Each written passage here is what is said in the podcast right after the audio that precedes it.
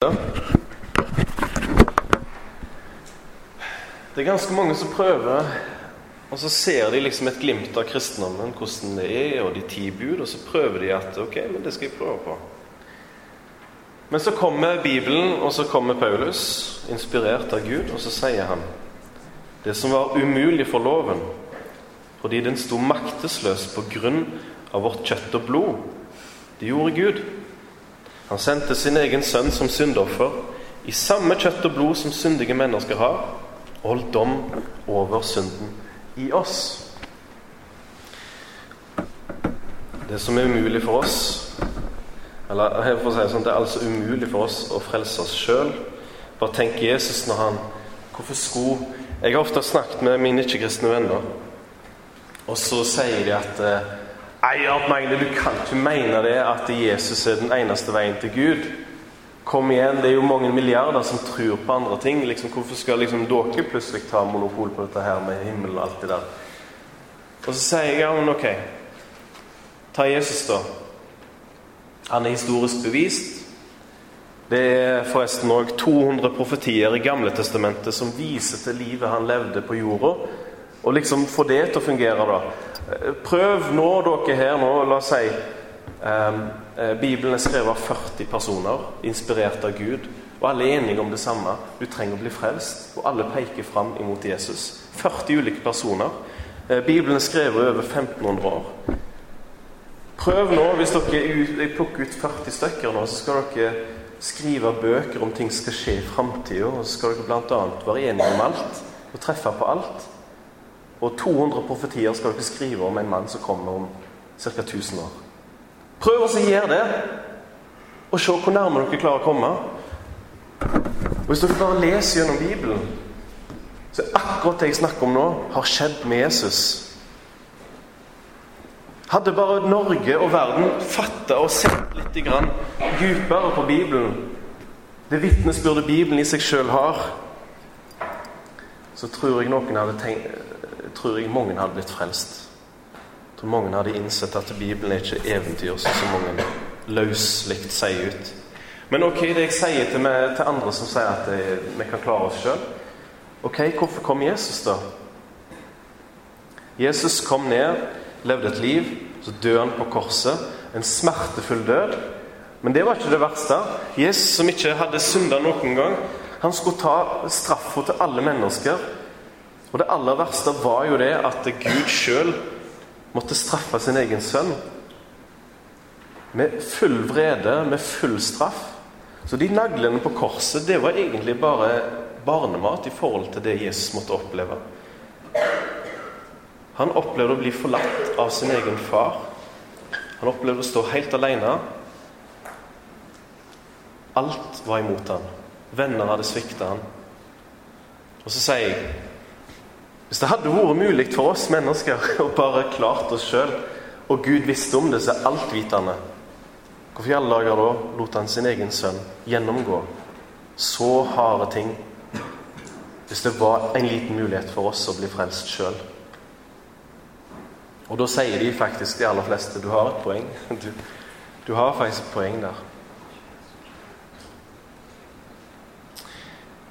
Ok, Det er ganske mange jeg vet om i Bibelen som prøver å fikse seg sjøl. En er han her. Den rike, unge mannen. Jeg er sikker på at ingen her inne har levd så bra som han her. Han her I alle fall det han sier, da. Han her mente Han, han, han tok kontakt med Jesus, en religiøs jøde. Og han er her, sa, snakket med Jesus og var oppriktig interessert i det å komme til himmelen. Og så sa han til Jesus Du, jeg har vært lydig mot foreldrene mine alltid. Han rike mannen her sa at han har aldri fortalt ei løgn, aldri stjålet noen ting. Og så spør han Jesus hva mer gjenstår for at jeg skal komme til himmelen. Hva er det jeg mangler? Og Jesus, som kjenner hjertene til menneskene, han sier til ham at du kan ta og selge, de, selge rikdommen din, gi til de fattige. Så skal du få en skatt i himmelen, og så skal du komme og følge meg. Tror du ikke han gjorde det?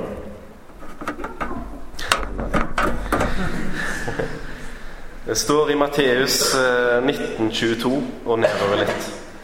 Men da den unge mannen hørte disse ord, gikk han bedrøvet bort. Han hadde stor rikdom. Da sa Jesus til disiplene sine.: Sannelig sier dere, det, for, det, er vanskelig for en rik å komme inn i Guds rike. Igjen sier jeg dere, det er lettere for en kamel å gå gjennom et nåløye enn for en rik å gå inn i Guds rike. Da disiplene hørte det, sa de, ble de meget forskrekket og sa, Hvem kan da bli frelst? Men Jesus så på dem og sa til dem, For mennesker er dette umulig, men for Gud er alt mulig.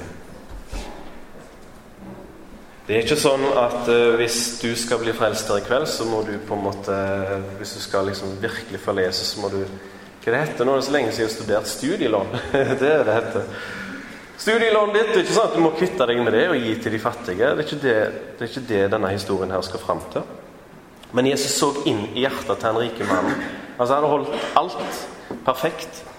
Så så Jesus at eh, du har faktisk ikke alt perfekt, for du elsker rikdommen din og statusen din høyere enn du elsker Gud. Så du har mislykka faktisk i det største bud å elske Gud av hele ditt hjerte og all din makt og hele din sjel. Du har faktisk mislykka totalt. Og du elsker din suksess, du elsker din rikdom mer enn Gud. Og faktisk så treffer Jesus så godt når han sier akkurat det med rikdommen, at han blir bedrøva og lei seg, og så går han bare vekk ifra Jesus. Prisen blir for stor. Han vil heller ha rikdom her og nå på jord enn å få en evig skatt i himmelen. Tenk at det er sånn tenker mennesker. Tenk hvor nærsynte vi er. At vi vil heller liksom bare leve livet her og nå. Og så tror vi at det er å leve livet. Og så er det jo Gud som skapte oss, så tror du ikke han vet hva som er det egentlige livet for oss?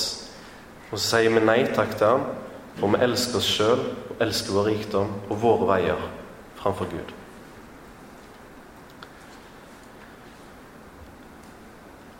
Og så er det denne mannen her, altså. Han vil gjøre seg fortjent til himmelen.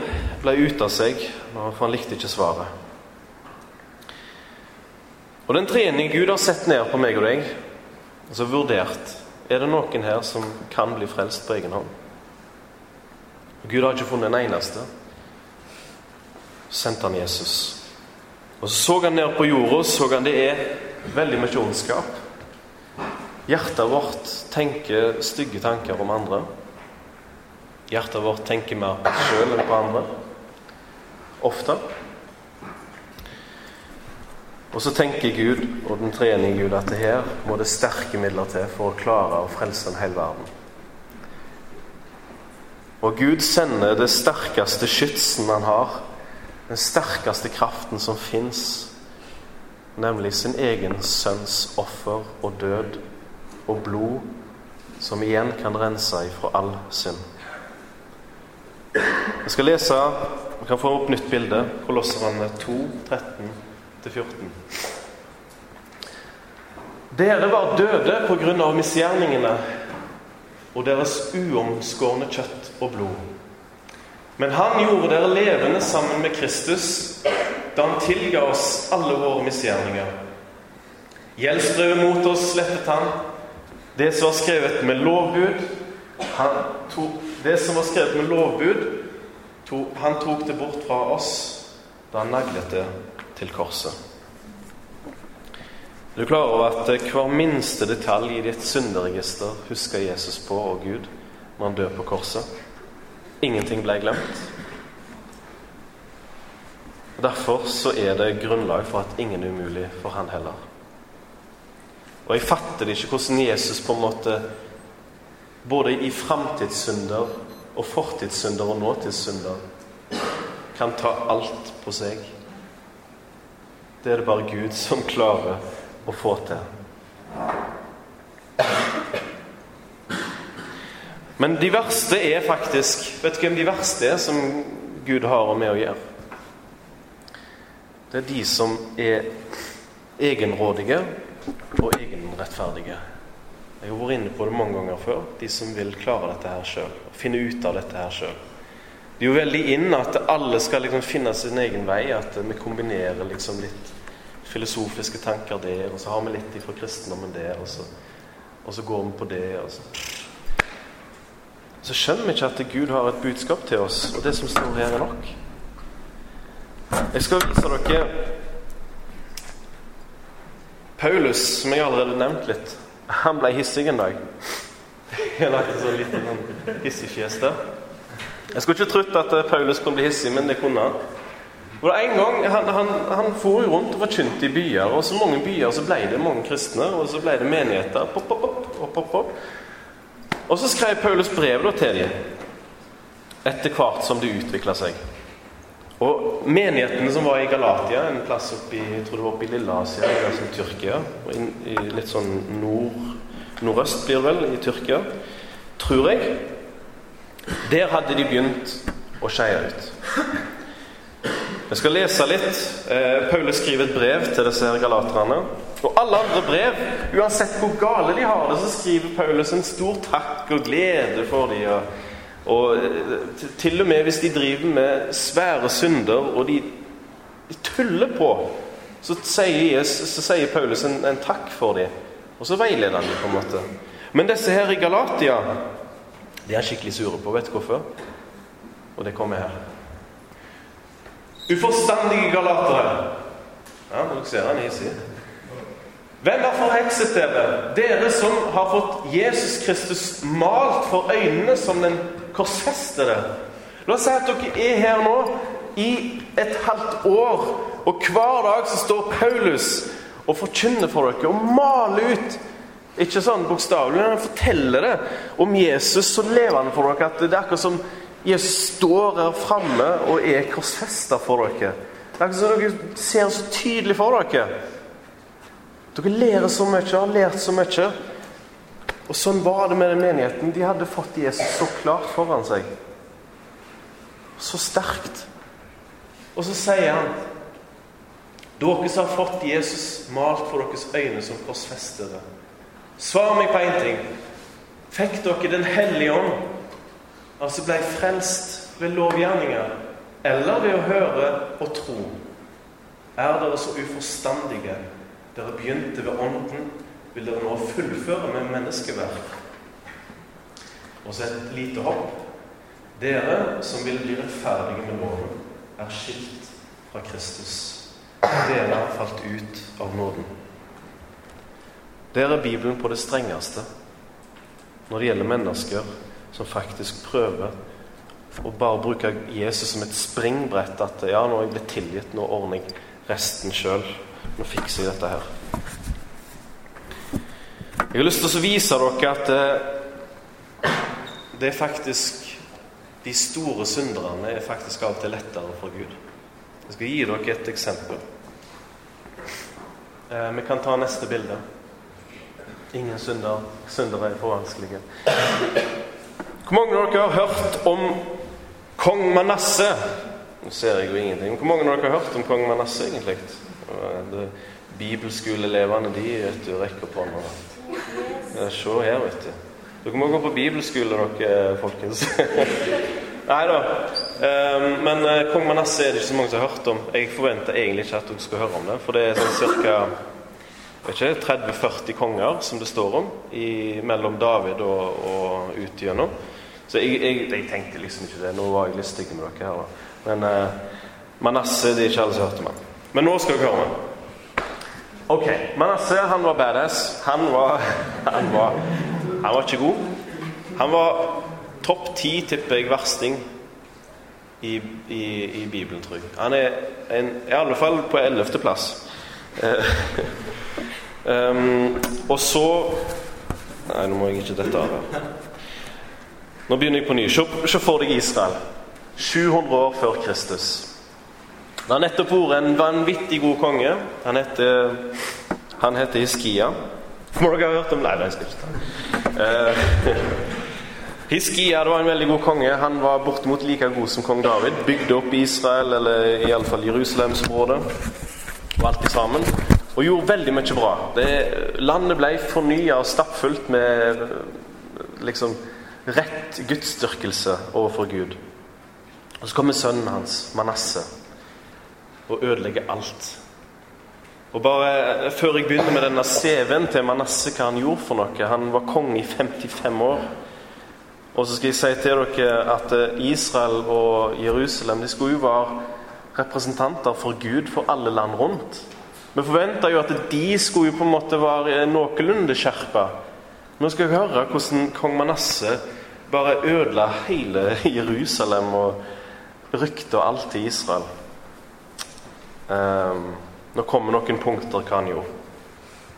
Inni der som tempelet var, der bygde han avgudsalteret og satte opp bl.a. en stokk som de skulle tilbe inn i tempelet. Og tempelet var jo der Gud hadde liksom sagt at det her, kan jeg, her skal jeg bo nå. Her skal min ånd være. En hellig plass. Så kommer han og setter opp en avgud der. Og så til og med så ser dere et bilde. Han har en sønn. Han ofrer og hiver i bålet til en annen avgud. Videre så drev han med trolldom. Han påkalte demoner og drev med spiritisme og snakket med såkalt avdøde, som egentlig er demoner i forkledning. Han drepte mange uskyldige. Faktisk står det at Jerusalem ble fylt med blod. Så gatene Det ble et blodbad i Jerusalem. Mest sannsynlig var det de ekte troende som klagde på Manasseh, som han gikk dør til dør og drepte. Og ikke nok med det. Profeten Jesaja Hvor mange har hørt om profeten Jesaja? Yes, nå fikk alle selvtilliten sin tilbake. Eh, så Profeten Jesaja har jo skrevet noen av de fineste profetiene på Jesus. Eh, apropos det jeg nevnte tidligere. Men det, er en legende, et sagn om, om Jesaja. At han ble sagd i to av kong Manasseh fordi denne profeten Jesaja talte sannhet om det han holdt på med. Og det tålte ikke Manasseh. Og profeten ble, sånn som historien sier, sagd i to. En grusom konge. Han burde jo bli fjerna fra jordens overflate. Hva skal han i Israel å gjøre, av alle plasser? Fortjener han en himmel? Jeg bare spør dere helt ærlig. Fortjener han å bli frelst? Som har gjort så mye. Drept unger, drept sin egen sønn. Drept mange folk.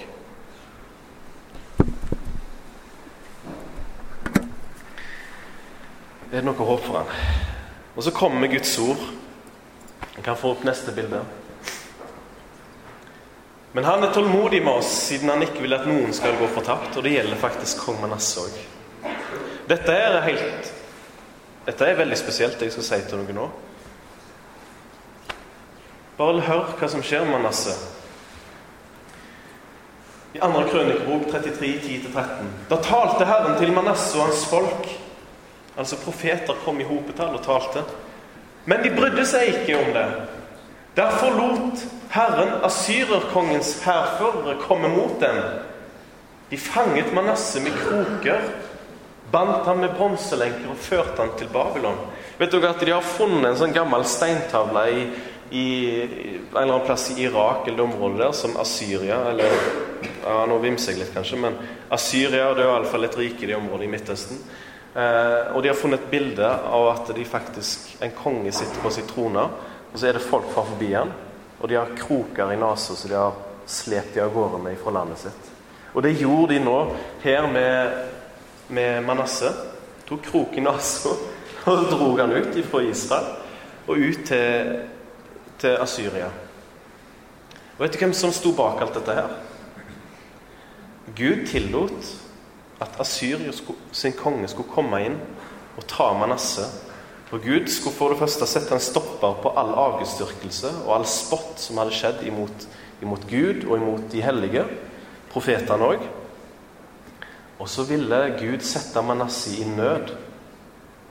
Og når du er på topp når det er 17. mai og gode greier, er det sånn at du sitter og har bønnemøter rundt omkring da? Det er ofte når vi har medgangsdager at vi ikke tenker på å be. Men med en gang du skal opp i eksamen, ja, da er det bønnemøte. Ja, da må vi be. Send meldinger til du må be for meg. Men på en god dag Hvor mange sier at de ber for meg? Ber om at de må bli fulgt med Den hellige ånd. Og Gud vet dette her. Og Av og til så drar Gud det kortet der at det setter oss i nødsituasjon. For han er så glad i oss. Så Gud tillot dette her. Han ville føre Manasseh inn i den ene situasjonen som kunne redde ham, nemlig en djup nød. Og så står det Men da han var i nød i rød skrift, bønnfalt han Herren sin Gud om nåde og ydmyket seg dypt for sin fedres Gud. Så kommer det fantastiske evangeliet. Noen kanskje mener urettferdig, men jeg velger å tenke at det er fantastisk, for det har berga meg. Og Herren bønnhørte han da han bad. Han lyttet til hans inderlige bønn og førte ham tilbake til Jerusalem. Tenker, kommer det nå Gud Gud er stor. Fører han tilbake igjen. Så fikk han sitt kongerike igjen. Da fikk Manasseh sanne at det er Herren som er Gud. Ikke glem denne historien. her. Det er en fantastisk historie hvis du har hørt om for første gang. da. Det viser hvor stor Gud er. Og hva tror dere Manasseh gjorde? Jeg kan tilbake til gamle vaner. Nei, han har fått et nytt liv. Og Når jeg og du får et nytt liv i møte med Jesus, så blir det en ny vei, en ny vandring. Og så står det Hva var det han gjorde for noe? Alle fremmede guder og gudebilder fjernet han fra Herrens hus og likeens alle de alterene han hadde bygd på Herrens tempelberg i Jerusalem. Han kastet dem utenfor byen. Så satte han i stand Herrens alter. Der bar han fram måltidsoffer og takkoffer, og han sa til folket i Juda at de skulle tjene Herren, Israels Gud. Det må være litt sånn Paulus-sjokk eh, aleik. Eh, at eh, Paulus plutselig kommer der, og han har forfulgt dem, så sier han at Jesus er Herre. Dere må tro på ham. Sånn var det nok for folket i Juda òg, i Israel.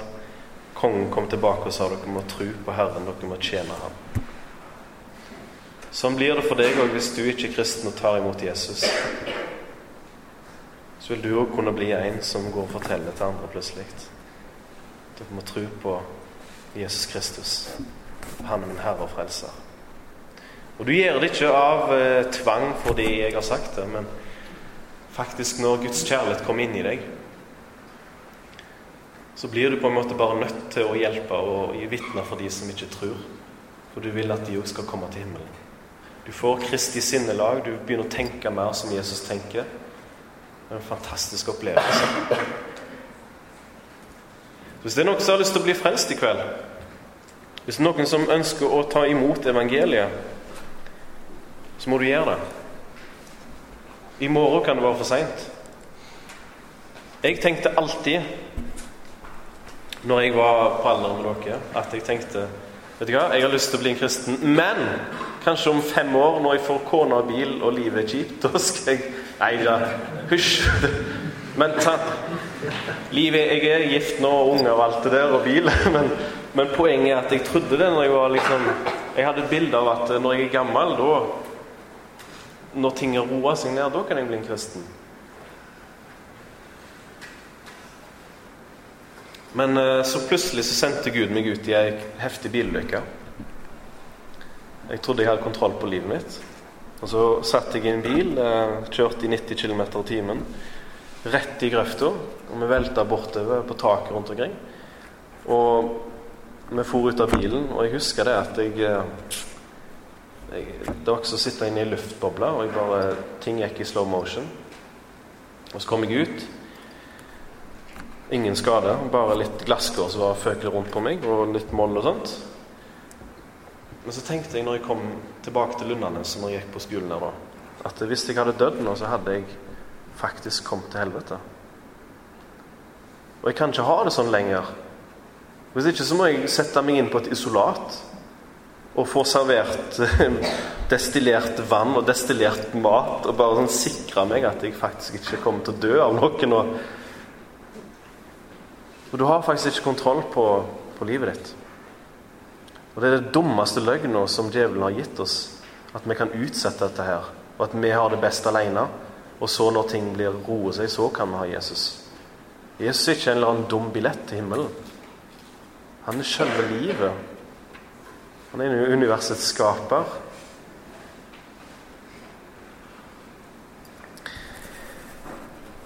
Så jeg håper noen vil gjøre som Manasseh og be om Gud om nåde og bli frelst. Det er derfor jeg kom ut her, for jeg ville fortelle at det er håp. Det er håp for alle. Når det er det for Paulus, og er det for meg og Manasseh Nå er jeg minst av alle de, da. De, de er hundre ganger verre enn det jeg noen gang har vært. Men uh, dere skjønner poenget mitt. Jeg har lyst til å be litt til slutt. Jesus, jeg bare takker deg for denne gjengen som er her nå. Jeg håper at de har hørt. Jeg håper de har lytta til deg, Jesus. Ditt budskap ifra Guds ord. Jeg håper alle her inne skjønner nå at ingen er umulig for deg. Det er bare oss sjøl som klusser det til, som med våre egne tanker skaper hinder for deg. Men Jesus, må du gjøre sånn at vi ser korset klart malt foran våre øyne. I alle fall våre hjertes øyne. At vi ser deg, Jesus, i vårt indre. At vi ønsker å følge deg og ta imot deg. Og alle som har blitt lunkne, alle som har dabba av og tenker på andre ting, må du fornye det, Jesus. må du fylle med La de bli fulgt med Den hellige ånd, de som ber om det, sånn at de kan ha ei sterk tro på deg, Herre. For ditt navn sjøl, Jesus,